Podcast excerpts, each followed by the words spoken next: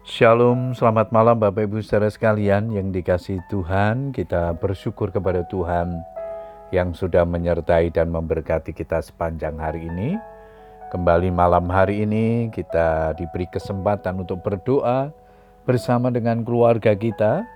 Namun sebelum berdoa saya akan membagikan firman Tuhan yang malam hari ini diberikan tema Tiada hari tanpa memuji Tuhan Ayat mas kita di Mazmur 145 ayat yang pertama, Aku hendak mengagungkan Engkau, ya Allahku, ya Raja, dan aku hendak memuji namamu untuk seterusnya dan selamanya. Bapak Ibu Saudara sekalian, apa yang ada di dalam pikiran kita saat kita bangun tidur di pagi hari? Banyak orang mengawali pagi hari dengan memikirkan masalah dan kemustahilan, sehingga pikiran mereka selalu diliputi kegelisahan, ketakutan, kemarahan, atau emosi. Namun, berbeda dengan Daud yang selalu memulai harinya dengan berdoa dan mempersembahkan puji-pujian bagi Tuhan Bahkan Mazmur 119 ayat yang ke-164 di sana dikatakan, tujuh kali dalam sehari aku memuji-muji engkau. Tidak sedikit orang percaya lupa melakukan hal ini. Mereka berpikir memuji Tuhan itu cukup dilakukan saat beribadah di gereja atau persekutuan saja. Tentu ini hal yang salah. Memuji Tuhan tidak mengenal waktu, tempat, dan keadaan. Kapan pun, di mana pun, bagaimanapun keadaan kita, puji-pujian bagi Tuhan harus kita naikkan. Memuji Tuhan adalah tindakan yang wajar dan normal bagi orang percaya.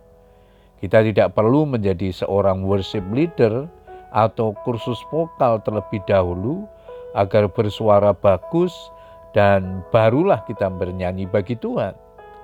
Memuji Tuhan adalah ekspresi yang keluar dari hati terdalam seseorang yang mengagumi Tuhan sebagai respon atas segala kebaikannya.